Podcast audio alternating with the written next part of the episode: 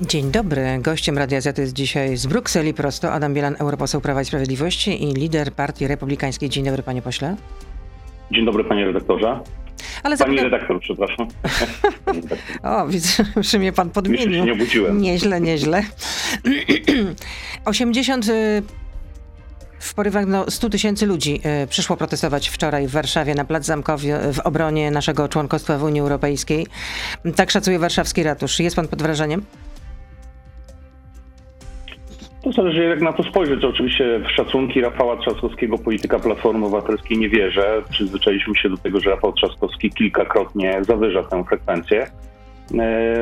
Z całą pewnością wyborców Platformy Obywatelskiej, fanów Donalda Tuska jest w Polsce znacznie więcej niż, niż kilka promili polskich obywateli. Donald Tusk... No ale przyzna pan, że jednak taka mobilizacja w niedzielny wieczór to jednak robi wrażenie. Bo przecież demonstracje nie odbywały się tylko w Warszawie. Demonstracja nie odbywała się tylko w Warszawie.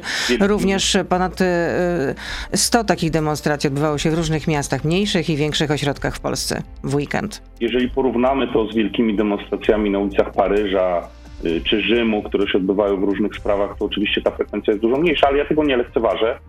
Ta demonstracja też pokazuje, że w Polsce y, mamy wolność. Y, żadne wolności demokratyczne nie są i swobody obywatelskie nie są ograniczone. Każdy, kto e, uważa, że w jakiejś sprawie powinien no brakowało. E, swoje emocje, może to zrobić. E, I tego, tak jak w przypadku rządów Platformy Obywatelskiej, kiedy wysyłano policję do demonstrujących choćby kibiców. Takich sytuacji w Polsce na szczęście nie mamy. Natomiast ci ludzie demonstrowali... Policja też była na miejscu. Tam zdaje się ucierpiał e, chyba siostrzeniec pana premiera Morawieckiego. Przynajmniej skarżył się, e, no, że, że policjant kopnął go w głowę. Już mówimy o zupełnie innej e, demonstracji, która w okolicach Nowogrodzkiej. Miejscu nie, no właśnie, nie, nie łączmy tych dwóch wydarzeń. Na, polu zamko, na placu zamkowym nie doszło do żadnych incydentów, na szczęście. No ale to pan e... wieszczył, że nie wiadomo, co tam się, co tam się wydarzy. Przecież ci ludzie ja przyszli pokojo, ja pokojowo manifestować Tusk... swoje przekonania. Ja wiesz, czułem, że Donald Tusk, tak jak 16 lat temu w 2005 roku, bardzo głęboko podzielił polskie społeczeństwo w kampanii prezydenckiej po to, żeby wygrać te wybory. Na szczęście mu się to wtedy nie udało. Do A Prawo i Sprawiedliwość wtedy nie dzieliło e, Polaków? Tak, teraz my, my, reagowaliśmy oczywiście na fałszywe stwierdzenia Tuska, tak jak dzisiaj będziemy również reagować na fałszywe stwierdzenia Tuska, bo ta demonstracja dotyczyła kwestii absolutnie nieprawdziwych. To znaczy Tusk twierdził w tym felietonie dźwiękowym, który Państwo przytoczyliście przed chwilą, twierdził, że Polskę Trybunał Konstytucyjny wyprowadził z Unii Europejskiej. To jest absurdalne. E, nikt o zdrowych zmysłach w to nie wie, że Polska dzisiaj, w poniedziałek nadal jest w Unii Europejskiej, będzie w Unii Europejskiej, chyba że Tusk będzie dążyć do zorganizowania referendum, które zwolennicy Unii Europejskiej mogą przegrać, a może nie się tak sądzę, tak stać. Dlatego, nie sądzę, ma, zresztą to nie był pomysł Donalda Tuska. No, referendum to był pomysł Platformy Obywatelskiej z 2016 roku. Ale teraz kto inny już rządzi Platformą? To prawda, ale ten polityk wciąż jest ważną postacią w Platformie. Natomiast Tusk jest tak osobą e, niepopularną, tak antagonizuje e, polskie społeczeństwo, że jeżeli to on miałby być twarzą obecności Polski w Unii Europejskiej, to wynik takiego referendum mógłby być różny. Więc ja wzywam polityków Platformy Obywatelskiej, żeby się e, opętali i nie grali członkostwem Polski w Unii Europejskiej do swoich e, partyjnych, partykularnych e, celów. No ale przypisywał pan nie wiadomo jakie intencje Donaldowi Tuskowi, że poleje się krew na ulicach. Protest był pokojowy. Jeśli ktokolwiek tam rozrabia, rozrabiał, nazwijmy w ten sposób, oczywiście mówię to trochę z, w, w cudzysłowie, to był prezes Stowarzyszenia Marsz Niepodległości, który zakłócał, zagłuszał wystąpienie uczestniczki Powstania Warszawskiego. Pani Wandy ja do bardzo ja nawiązywałem do bardzo konkretnych słów Tuska, który wzywając ludzi na ulicę powiedział, trzeba mieć, cytuję, mięśnie do konfrontacji z tymi, którzy dzisiaj rządzą Polskę. No, trudno tego nie czytać y, inaczej niż jak to, że Tusk marzy o tym, żeby wzniecić w Polsce e, właśnie nie tylko wielkie demonstracje, ale jakieś zamieszki na ulicach Myślę, że to jest scenariusz, e, na który od początku swojego powrotu do polityki gra, bo wiemy, Myślę, że... Myślę, że jednak nie może tego tak czytać dosłownie, raczej jest to pewna przenośnia, metafora. No to ja wolałbym, ja wolałbym żeby tu tego, tego rodzaju y, przenośni o konfrontacji, konieczności posiadania mięśni do konfrontacji nie używał.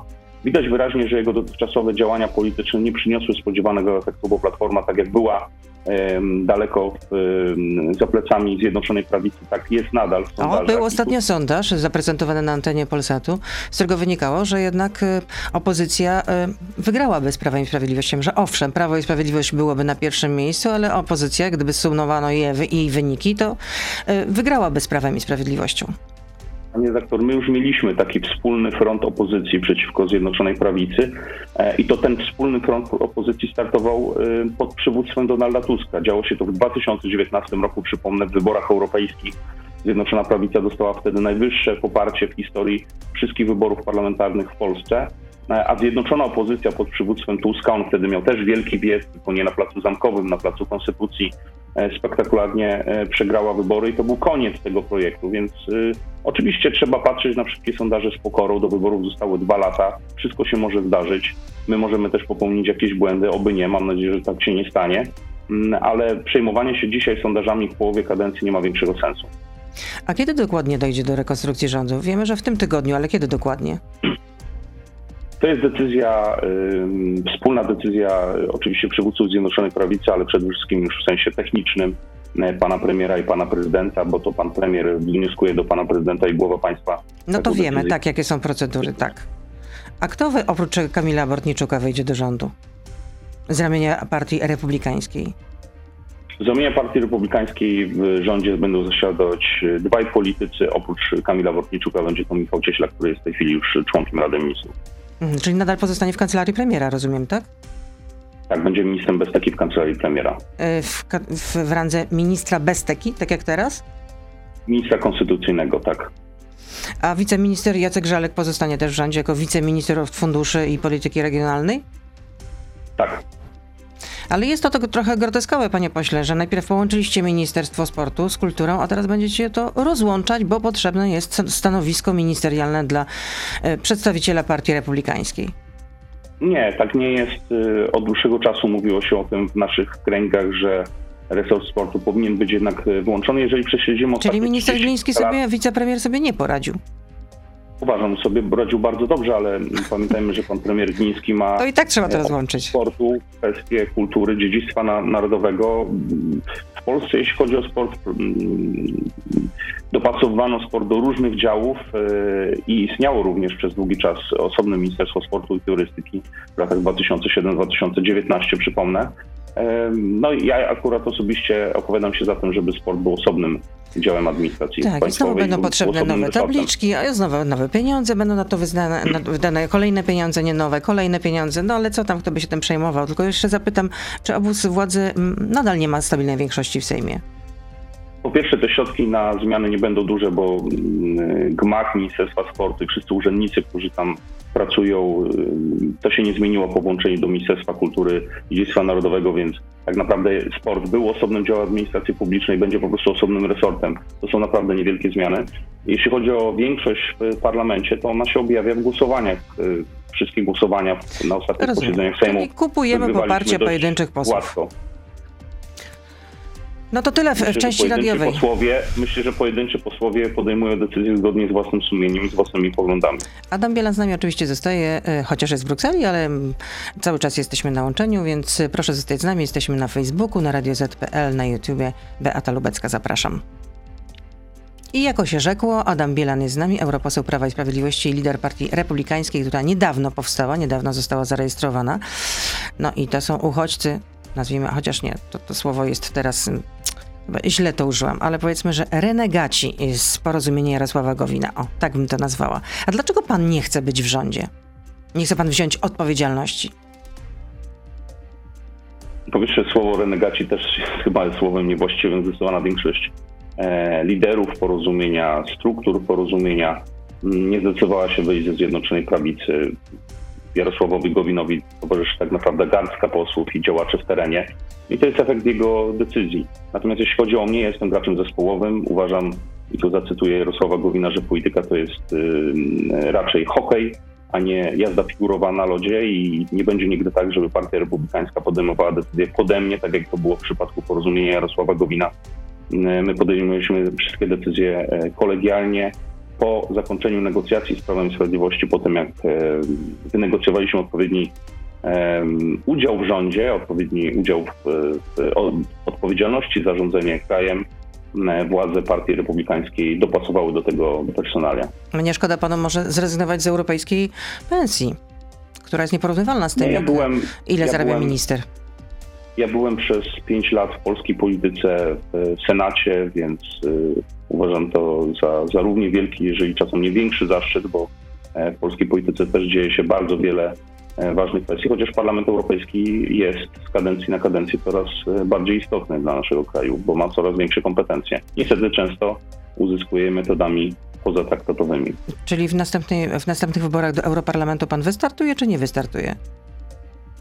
Następne wybory do Europarlamentu będą po wyborach do Sejmu, które będą za dwa lata. Naprawdę. No chyba, że będą wcześniej. W polityce, mam nadzieję, że nie będzie ich wcześniej. W polityce należy planować, ale planowanie z tak dużym wyprzedzeniem e, jest niemożliwe. Skoro pan powołał się na Jarosława Gowina, to ja też się powołam na Jarosława Gowina, który był gościem. Radia Z 22 września ostatnio i mówił tak, byłoby to zupełnie naturalne, skoro jest liderem partii wchodzącej w skład obozu rządowego, o panu. Z drugiej strony, że pan wszedł do rządu. Z drugiej strony wydaje mi się, że powołaniem Adama Bielana jest bycie dożywotnim europarlamentarzystą, więc zdziwiłbym się, gdyby się zdecydował na objęcie stanowiska rządowego.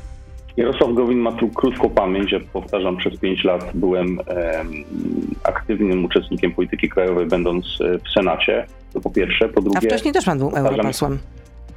Tak, natomiast powtarzam, wcześniej byłem posłem na Sejm, natomiast powtarzam, e, porozumienie Jarosława Gowina było partią wodzowską, było zarządzane w sposób autorytarny. Wszystkie nasze negocjacje musiały się zawsze kończyć jednym wynikiem. Jarosław Gowin musiał być wicepremierem.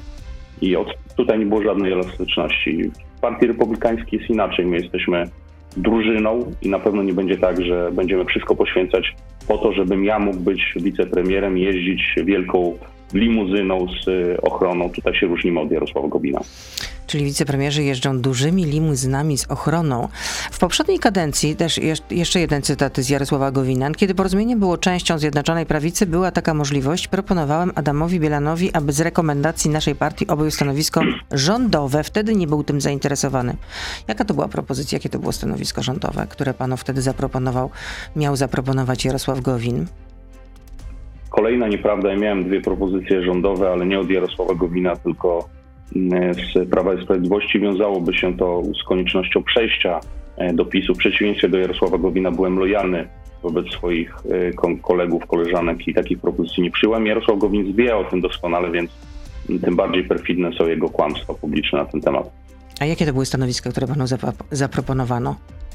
Nie przyjąłem tych stanowisk, więc nie będę tej sprawy ujawniać publicznie. Ale, ale, czy, ale czy umowa... Pani mi cytuje, jeżeli pani cytuje Gowina, to, to oczywiście odpowiadam, natomiast nie chcę więcej na ten temat mówić. Ale przecież umowa koalicyjna obowiązywała w ten sposób, również e, opiewała na to, że e, nie ma e, nazwijmy to wrogich przejęć. To znaczy, że nie ma przechodzenia z na przykład z porozumienia do PiSu i odwrotnie. Że nie ma wrogich ale przejęć. Były, ale były takie wyjątki, czego dowodem choćby kazus pana ministra Marka Zagórskiego. A proszę mi powiedzieć, na jakiej podstawie kandydat, i to nieoficjalny jeszcze, na ministra sportu spotkał się z prezydentem Andrzejem Dudą. No tego jeszcze nie grali.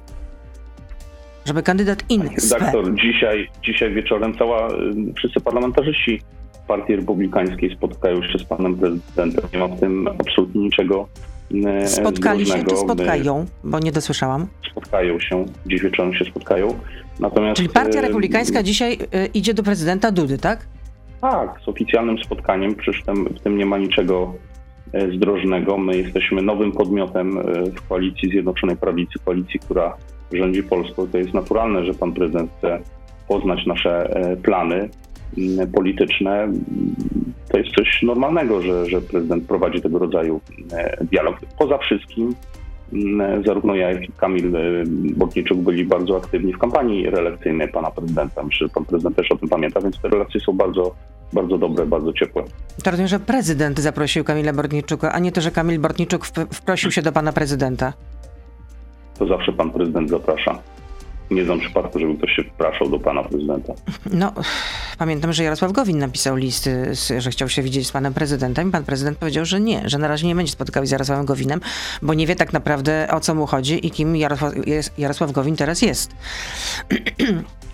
Paweł Kukiz no też przecież prosił o spotkanie z prezydentem w przyszłości. Sytuacji, jak widać. No ale jed, mimo wszystko tego jeszcze nie grali, żeby kandydat ISP y, był y, u prezydenta. Rozumiem, nowe standardy. Y, Adam Bielan myślę, jest, jest... Przepraszam, myślę, że to jest bardzo częste. Być może nie zawsze opinia publiczna o tym y, a, wie, ale rozumiem, jest... że nie, wszystkim, nie o wszystkim wiemy, a tutaj to, to spotkanie było jednak eksponowane w mediach społecznościowych. Kandydata na, na członka Rady Ministrów powołuje pan prezydent, więc to jest naturalne, że chce bliżej poznać plan osoby, która będzie pełnić taką funkcję. Naprawdę nie widzę w tym niczego złego. Adam Bielan jest z nami, europoseł Prawa i Sprawiedliwości oraz y, lider y, Partii Republikańskiej. Panie pośle, naprawdę się nie obawiacie, że y, wy jako mm, europosłowie koalicji rządzącej, że Polska straci jednak te pieniądze, z, które miałyby pójść na Krajowy Plan Odbudowy? Że te pieniądze jednak nie popłyną z Funduszu Odbudowy? Że zostaną wstrzymane? Mhm w rozporządzaniu y, w tej sprawie nie ma żadnych możliwości, żeby komisja łączyła e, kwestie programu odbudowy z innymi kwestiami czysto politycznymi. E, komisja miała czas do 1 sierpnia na wydanie swojej opinii w tej sprawie. Mamy już połowę października, więc y, łamie, komisja sama łamie rozporządzenie w tej sprawie. Mam nadzieję, że ten proces wkrótce się skończy, ale nie ukrywajmy, w komisji tutaj w Brukseli bardzo często się mówi, że jest to związane z wyborami parlamentarnymi na Węgrzech, które będą miały miejsce dopiero na wiosnę przyszłego roku. E, I być tak może mówi? będzie urzędnicy w kuluarach, politycy w Brukseli i być może będzie taka wola, żeby nie tylko Węgry, ale również Polskę grillować, mówiąc E, kolokwialnie nieco dłużej. Mam nadzieję, że tak nie będzie. Tylko, że były takie oczekiwania, żeby po pierwsze e, premier e, Mateusz Morawiecki wycofał swój wniosek do Trybunału Konstytucyjnego w sprawie no, mm, zbadania niezgodności niektórych artykułów traktatów europejskich z polską konstytucją. Ten wniosek nie został wycofany. No, wyrok wiadomo jakiś zapadł. Plus jeszcze Komisja Europejska oczekiwała, że wreszcie poznamy e, projekt ustawy w sprawie likwidacji e, Izby e, Dyscyplinarnej w Sądzie Najwyższym. No i tej ustawy ciągle nie ma. Żadna z tych spraw nie ma związku z badaniem przez Komisję Europejską Krajowego Planu Odbudowy. Ja chcę przypomnieć naszym słuchaczom, że wobec Polski nie było dotąd żadnych zastrzeżeń, jeśli chodzi o sposób wydawania środków europejskich. Odpowiednie instytucje bardzo często kontrolują ten sposób wydawania, o ile rozmaite kraje w Europie, nie tylko w naszym regionie, bo były zastrzeżenia wobec Węgier, wobec Czech, mm, ale również wobec krajów Europy Zachodniej. E, o tyle w Polsce e, ten proces był zawsze, e, otrzymywaliśmy opinię wręcz celującą, więc to, są, to jest tylko i wyłącznie czysta polityka. Mam nadzieję, że ona się wkrótce skończy.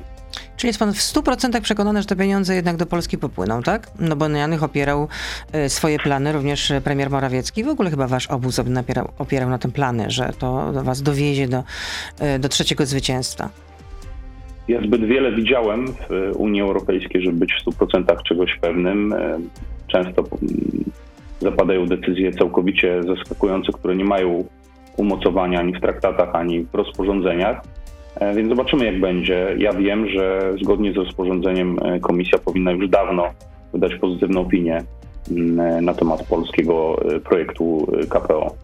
Dzisiaj w Gazecie Wyborczej jest wywiad z jedną z wiceprzewodniczących Parlamentu Europejskiego, Katariną Barley, i ona mówi, że pieniądze z Funduszu Odbudowy po prostu nie zostaną wypłacone, zaś kary nałożone przez SUE będą odliczane od innych dotacji. No i to jest problem e, polityki europejskiej, że mamy w Parlamencie, Europejskiej, e, w Parlamencie Europejskim grupę radykalnych, lewicowych polityków, którzy przecież się nie kryją z tym, że trzeba Polskę zagłodzić, e, żeby zacytować słynne zdanie niemieckiej wiceprzewodniczącej Parlamentu Europejskiego wobec No nie było to kraju, mądre, to prawda. Żeby Polskę ukarać za to, że Polacy śmieli wybrać konserwatywne rządy, które nie chcą wprowadzać lewicowej agendy, mimo tego, że gdy wchodziliśmy do Unii Europejskiej w 2003-2004 roku głosowaliśmy w referendum akcesyjnym, to zapewniano nas, że, Komisja, że Unia Europejska nie będzie ingerować w określone sfery życia politycznego Polaków. Niestety po 16 latach okazuje się, 17 latach okazuje się, że, że jest inaczej. I to są zjawiska, które wpływają na zmianę oceny członkostwa Polski w Unii Europejskiej przez wielu Polaków. Mam nadzieję, że te zjawiska się zakończą, bo ja jestem e, zwolennikiem e, członkostwa Polski w Unii. Głosowałem w referendum za, w przeciwieństwie do znaczących polityków Platformy, jak Roman Gierty, który robi wszystko, żebyśmy w Unii się nie znaleźli. Ale Roman Gierty nie jest w Platformie Obywatelskiej. Przynajmniej ja nic o tym nie, nie słyszałam. liderów jest, e, jest konsilierem Donalda Tuska, który właśnie wrócił do, do, do Platformy, więc jego głównym doradcą do spraw prawnych, nie tylko jemu, ale pisze, co ma mówić, pisać Radosław Sikorski. Widzieliśmy ostatnią wymianę e, mm, SMS-ów przez panów wtedy, kiedy Radosław Sikorski w sposób nieuważny opublikował print screen swojej komórki na Twitterze, gdzie, gdzie Giertych radził Sikorskiemu, jak zaatakować publicystę Rafała Ziemkiewicza za, za jego córkę e, wyjątkowo podłość. Więc no, my jesteśmy w tej sprawie konsekwentni. Nasz obóz polityczny namawiał do członkostwa w 2000 2024 roku. Jesteśmy w tej sprawie konsekwentni, co nie oznacza, że nie widzimy pewnych negatywnych zjawisk w Unii Europejskiej. Dlatego, że jak Mamy patrzy się na poczynania rządu, to można odnieść wrażenie, że zachowujecie się trochę jak taki mąż, który mówi e, do żony, że nie, ja nie chcę się kochanie z tobą rozwieść. Absolutnie nie. Tylko, że ten mąż robi wszystko, żeby żona miała go serdecznie dosyć. Pani redaktor, jeżeli pani nawiązuje w tej chwili do orzeczenia Trybunału Konstytucyjnego, to dziewięć innych krajów E, w swoich różnych wyrokach Trybunałów bądź sądów konstytucyjnych wydało podobne orzeczenie. I Chyba nie można tego porównywać. Jest, jest chociażby opinia, na którą... Proszę. No, śmieszy mnie to zdanie, nie można tego porównywać, bo jak słyszymy, że zaraz, coś zaraz wolno, powiem, dlaczego coś tak wolno. Francuzom, coś wolno Hiszpanom, a czegoś nie wolno Polakom, to właśnie słyszymy najczęściej, nie można tego porównywać. Chociaż ja uważam, że Polskę można porównać z Francją E, Niemcami czy Hiszpanią. We Francji zresztą toczy się w tej chwili bardzo burzliwa debata w związku z kampanią prezydencką. No I nie tylko politycy prawicy, tacy jak Eric Zemmour czy Marine Le Pen, mówią o odzyskaniu legalnej suwerenności, ale politycy absolutnego mainstreamu, Michel Barnier, dwukrotny komisarz Unii Europejskiej, mówi o tym, że Francja powinna odzyskać swoją e, suwerenność e, prawną i zacząć kwestionować niektóre orzeczenia CUE. E, gdyby ktoś głosił takie poglądy w Polsce otwarcie, to byłby uznany za zwolennikiem, za zwolennika polexitu przez Tuska. To jeden z, po, z portali zamieszcza opinię um, Aleksandra Tille, to jest profesor europejskiego i konstytucyjnego prawa, um, który mówi, że polskie orzeczenie w odróżnieniu od niemieckiego, na które pan się też powołuje, podważa fundament europejskiej integracji ze swoim zdecydowanym odrzuceniem pierwszeństwa europejskiego prawa. I zdaniem tegoż profesora Tille ze Szkoły Prawa i Biznesu w Berlinie takie porównania są nieuprawnione. Specjalista od prawa europejskiego wskazuje, że polskie orzeczenie podważa normy prawa pierwotnego Unii, podczas gdy niemieckie orzeczenie uznało niekonstytucyjność wtórnego aktu prawnego unijnej instytucji. Ja uważam, że niemieckie orzeczenie jest y, dużo bardziej groźne dla rozmaitych planów y, w Brukseli, bo dotyczyło bardzo ważnego mechanizmu kupowania obligacji przez Europejski Bank Centralny. Przypomnijmy naszym słuchaczom, że chodzi o orzeczenie Trybunału Konstytucyjnego z Karlsruhe z, z maja 2010 roku. Mamy orzeczenia Rady Stanu, francuskiej Rady Stanu w sprawie wyroków TSUE e, z marca tego roku. Mamy szereg innych oświadczeń sądów e, konstytucyjnych z Hiszpanii i Włoch. Ja ze zdziwieniem dzisiaj przeczytałem list 26 byłych członków Trybunału Konstytucyjnego opublikowany chyba na portalu Gazety E, czy, a bądź portalu wyborczej, już nie wiem, bo te, te, te instytucje ze sobą w tej chwili dość mocno rywalizują, Oj, w którym jest stwierdzenie, że rzekomo, w którym jest stwierdzenie, że rzekomo Unia Europejska, cytuję, nieprawdą jest, że prawo unijne i dotychczasowe orzeczenie, orzecznictwo TSUE kwestionują czy naruszają nadrzędność konstytucji w polskim porządku prawnym. Otóż, otóż to jest jawne kłamstwo. Komisja Europejska nie dalej niż 7 października w swoim oświadczeniu e, pisze, Komisja podtrzymuje i potwierdza podstawowe zasady porządku prawnego Unii, a mianowicie prawo Unii ma pierwszeństwo nad prawem krajowym, w tym przepisami konstytucyjnymi. Więc mam wrażenie, że nie zawsze e, komentatorzy w Polsce do końca śledzą, jak daleko w tej chwili zaszły, zaszedł ten spór w Brukseli. Powtarzam, on nie dotyczy tylko Polski. Przypomnę, że Komisja Europejska, Europejska wszczęła procedurę naruszeniową wobec Niemiec i jeżeli ten ekspert, którego pani cytowała przed chwilą, miałby rację, to pytanie, dlaczego Komisja Europejska zaprotestowała tak mocno wobec orzeczenia niemieckiego Trybunału Konstytucyjnego. W tej sprawie jest procedura przeciwnaruszeniowa wszczęta przez Komisję Europejską. A jak będą teraz wyglądały nasze relacje z Unią Europejską? Z Komisją Europejską? Jesteśmy ważnym członkiem Unii Europejskiej. Jesteśmy najszybciej rozwijającą się gospodarką z wszystkich państw członkowskich. Tak, słyszeliśmy ostatnio peany z ust prezesa NBP. Rozumiem, że fundusze, fundusze europejskie nie są już nam potrzebne. Jesteśmy myślę, że fundusze są potrzebne wszystkim krajom, również krajom. Ale pan prezes mówił, że nie, że damy radę, że tutaj energetykę jądrową też będziemy budować i będziemy y, adaptować na nasze, w, nasze realia bez pieniędzy unijnych. Że damy radę. Nie powinniśmy, nie powinniśmy zgadzać się na debatę pod tytułem fundusze europejskie są jakąś jałmużną dla Polski. Niestety z takim poczuciem wyższości często słyszymy to od niektórych E, europejskich polityków. To jest oczywista nieprawda. Fundusze europejskie, ten mechanizm funduszy europejskich został stworzony, żeby rekompensować krajom e, biedniejszym dostęp e, bogatszych państw do ich, do ich rynku. Na obecności Polski w Unii Europejskiej zachód Europy świetnie zarabia od lat. Jeszcze zanim przystąpiliśmy do Unii Europejskiej, ten rynek został otwarty i niemieckie, francuskie, hiszpańskie, włoskie firmy świetnie na tym zarobiły, więc to jest obopólny interes, żeby Polska, blisko 40-milionowy kraj e, i wielki rynek zbytu dla tych e, firm e, była w Unii Europejskiej. A kiedy będzie gotowy projekt ustawy w sprawie Izby Dyscyplinarnej i Likwidacji w Sądzie Najwyższym? Nie potrafię odpowiedzieć na to pytanie, nie jestem odpowiedzialny za przygotowanie tego projektu. To jest pytanie już bardziej do Ministerstwa Sprawiedliwości. No ale przecież pan raczej wie wszystko, co w trawie piszczy chciałbym, żeby tak było, ale to niestety nieprawda. Nie, nie, nie ja jakoś nie wiem. No wydaje mi się, że pan naprawdę wie wszystko, więc y, że jest pan dobrze zorientowany, więc no, no bo przecież, przecież pan premier Morawiecki, pan premier Morawiecki przecież y, y, anonsował, że ten projekt już jest gotowy od kilku miesięcy. No to w takim razie dlaczego my nie możemy się tego doczekać, nie możemy tego zobaczyć? nie biorę udziału w pracach nad tym projektem.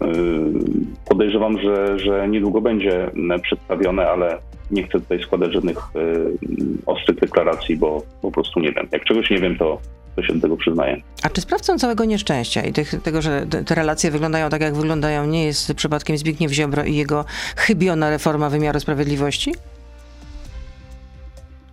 Zbigniew Ziobro jest y, członkiem zespołu jako minister sprawiedliwości. Pracuje najpierw w gabinecie y, pani premier Baty Szydło, teraz w gabinecie pana premiera Mateusza Morawieckiego. Oczywiście jest liderem partii policyjnej, w związku z tym na E, część spraw ma nieco inny pogląd niż e, liderzy Prawa i Sprawiedliwości czy Partii Republikańskiej. W niektórych sprawach się różnimy, e, ale my jesteśmy bardzo szerokim obozem, więc trudno, żeby takie różnice się nie pojawiały.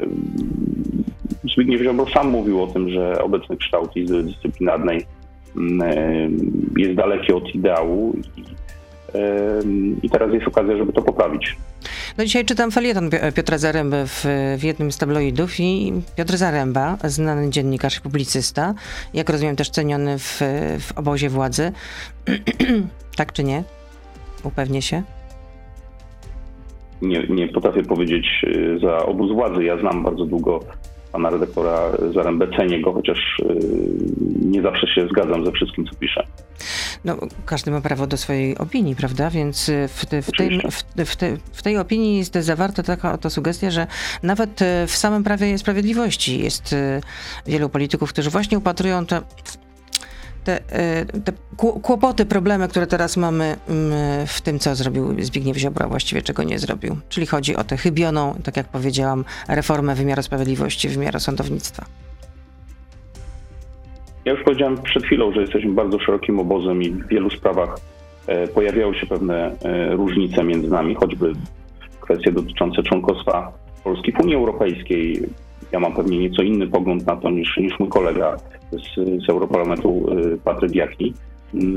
Natomiast dobrą zasadą e, w momencie, kiedy tworzymy jedną, jeden obóz polityczny, jest to, żeby nie komentować kwestii wewnętrznych e, na forum publicznych, bo to nie, nie sprzyja Politycy. Solidarnej Polski, e, Polski nie mają z tym problemu. Jak trzeba skrytykować, z czymś się nie zgadzają, to wychodzą i ostro przecież pamiętamy, e, co mówili politycy Solidarnej Polski, jeśli chodzi o premiera Morawieckiego i negocjacje w sprawie unijnego budżetu. Wtedy mówili, że właśnie ta wypłata pieniędzy będzie uzależniona od, od będzie powiązana z praworządnością. Można czasem mówić o różnicach yy, i należy czasem mówić oczywiście publicznie o różnicach wtedy, kiedy dotyczą kwestii fundamentalnych. Natomiast musimy też dbać o atmosferę wewnątrz yy, naszego obozu. Uważam, że ona wbrew tym rozmaitym e, e, plotkom, które pojawiają się w mediach, nie jest najgorsza. Dowodem na to jest to, że przez 7 lat potrafimy zgodnie współpracować, yy, za co wyborcy nas nagradzają kolejnymi zwycięstwami wyborczymi. Jeżeli byśmy się zaczęli kłócić, z całą pewnością to by utorowało drogę e, Tuskowi do władzy. Sądzę, że nikt z Zjednoczonej Prawicy tego nie chce. Władza jest najlepszym spoiwem. Nie ma lepszego. Stefan pyta, są pytania od słuchaczy. Czy Zjednoczona Prawica zmieni wreszcie obowiązującą ordynację wyborczą do Sejmu i na jaki model się zdecyduje? Mówi się o zmianach w ordynacji wyborczej, natomiast y, ja nie poznałem jeszcze żadnego gotowego projektu w y, tym zakresie mm, ze względu na naszą umowę e, z Pawłem Kukizem, która dotąd funkcjonuje bardzo dobrze. Umowę programową, bo Paweł Kukiz nie jest y, członkiem w tej chwili Zjednoczonej Prawicy, nie wszedł do rządu. Mm, ale wiemy, że Paweł Kukiz jest zwolennikiem ordynacji większościowej. Ona jest niemożliwa do wprowadzenia ze względu na obecnie obowiązującą konstytucję. No ale mówi się co jakiś czas o, o możliwym wprowadzeniu modelu mm, mieszanym, takim jaki obowiązuje w wyborach do Bundestagu w Niemczech. Zobaczymy. Trudno powiedzieć, ja nie biorę udziału w e, pracach nad tym projektem. Kolejne pytanie. Nie jesteście w stanie przypilnować maili, by- żeby nie latały po internecie, tak to jest sformułowane, i grozicie, że bez certyfikatu szczepień nie będzie można wejść do restauracji. Założy się pan swoje, na swoje 2 miliony złotych za kadencję w Europarlamencie, że te certyfikaty będą tak łatwe do podrobienia i będą maszynką do kar dla e, restauratorów. Niepotrzebne złośliwości. Jeśli chodzi o maile, to tak naprawdę żadna skrzynka mailowa nie jest, y, nie ma wystarczająco dużych zabezpieczeń, żeby profesjonalni hakerzy z takich krajów, które Zwłaszcza prywatne. mają na, na Prywatna swoim poczta, koncie... przecież jest jeszcze e, służbowa.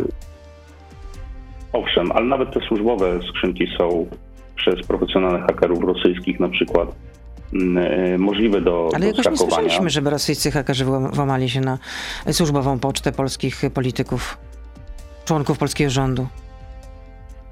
To jest kwestia wycieku danych, e, który miał miejsce w e, ubiegłym roku z jednego z e, portali internetowych, który zajmuje się również utrzymywaniem kont e, pocztowych. Te dane były do kupienia w darknecie. No I tak, ale najwyraźniej, mówimy teraz o poczcie służbowej, które są zabezpieczane przez spec-służby, które nadzoruje Mariusz Tak, Kamiński. ale owszem, ale tego rodzaju dane też są bardzo często przyjmowane przez y, służby specjalne obcych państw, więc w ogóle y, dokumentów tajnych nie należy przes- przesyłać y, przez żadną pocztę Ale elektroniczną. doszło, do, ani, doszło ani- w takim razie ani do, do jakiegoś hakerskiego ani- ataku na służbowe konta członków rządu? Tego nie wiem, chociaż myślę, że No, sugeruje pan coś Eee, takiego. informacje, nie, nie, ja nie mam takiej wiedzy, natomiast y, jeżeli spojrzymy na to, co się Aha, dzieje czyli pan po prostu tylko tak hipotetycznie sugeruje, że do takiego ataku mogłoby dojść. Jestem przekonany, że dochodzi, tylko służby bardzo często o tym nie informują.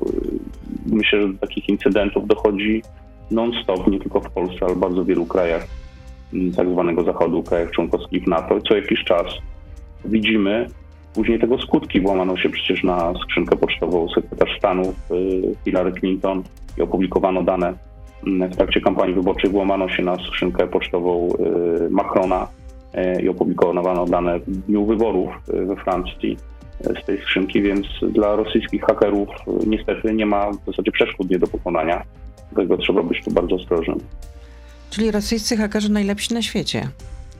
Jacek pyta, skoro stan, Zjednoczona Prawica tak bardzo nie chce imigrantów czy uchodźców z granicy białoruskiej, to dlaczego rząd, polski rząd nie wykupił czasu antenowego w irackiej telewizji, mówiąc, że Łukaszenka e, ich oszukuje i, ne, i nie wynegocjował z Turcją na przykład zakazu lotów do Mińska? Myślę, że tego rodzaju akcje byłyby bardzo ograniczone w swojej skuteczności. Nie wiem, jak wielką kampanię trzeba było przeprowadzić zarówno w telewizji, jak i w internecie irackim. W momencie, kiedy tysiące ludzi, którzy dysponują odpowiednią kwotą pieniędzy, bo to jest blisko 10 tysięcy dolarów, które trzeba zapłacić za e, przemyt do Unii Europejskiej, e, są zdeterminowani, żeby to zrobić. Tak naprawdę wszystko jest w rękach Łukaszenki, który przyjmuje te samoloty, przyjmuje tych ludzi na lotniskach już nie tylko w Mińsku, ale również w Grodnie, a później w sposób zorganizowany przewozi je na granicę. Zbliża się sezon zimowy, będzie coraz chłodniej, możemy mieć coraz więcej przypadków utraty zdrowia, mam nadzieję, że nie, nie, nie śmierci. E, apeluję z tego miejsca po raz kolejny do Łukaszenki, często robił to Europarlament e, wspólnie, przedstawiciele różnych frakcji krytycznie, bardzo krytycznie oceniają działania Łukaszenki, żeby się opamiętał, bo gra e, ludzkim życiem w swojej walce z Unią Europejską, w swojej potrzebie ukarania Polski za wsparcie dla demokratycznej opozycji w zeszłym roku, gra życiem ludzkim. Wojciech pyta, czy rozmawiał pan z przedsiębiorcami? Czy podoba im się nadchodząca rewolucja podatkowa w ramach Polskiego Ładu? Rozmawiam z wieloma ludźmi, wśród których są również przedsiębiorcy i zdania na ten temat są podzielone. Mam nadzieję, że w momencie, kiedy Polski Ład zacznie funkcjonować, będziemy widzieć korzyści z jego funkcjonowania, e, to, to jeszcze większa mm, grupa przedsiębiorców będzie z tego zadowolona, chociaż zdaję sobie sprawę, że bardzo wielu z nich krytycznie patrzy na te rozwiązania. To kiedy ta rekonstrukcja rządu? Którego dnia? Bo się nie dowiedziałam. To już jest decyzja pana prezydenta oraz pana premiera. Adam Bielan, europoseł Prawa i Sprawiedliwości oraz e, lider Partii Republikańskiej był z nami. Dobrego dnia życzę, oczywiście nieustająco zdrowia. Dziękuję do bardzo. usłyszenia, do zobaczenia. Następnym razem mam nadzieję, Wszystkiego że dobrego. będzie pan jednak gościł w naszym studio. Taką mam Bardzo nadzieję. chętnie. Bardzo chętnie. Kłaniam się. Dziękuję bardzo. To był gość Radia Z. Słuchaj codziennie w Radio Z i na player radioz.pl.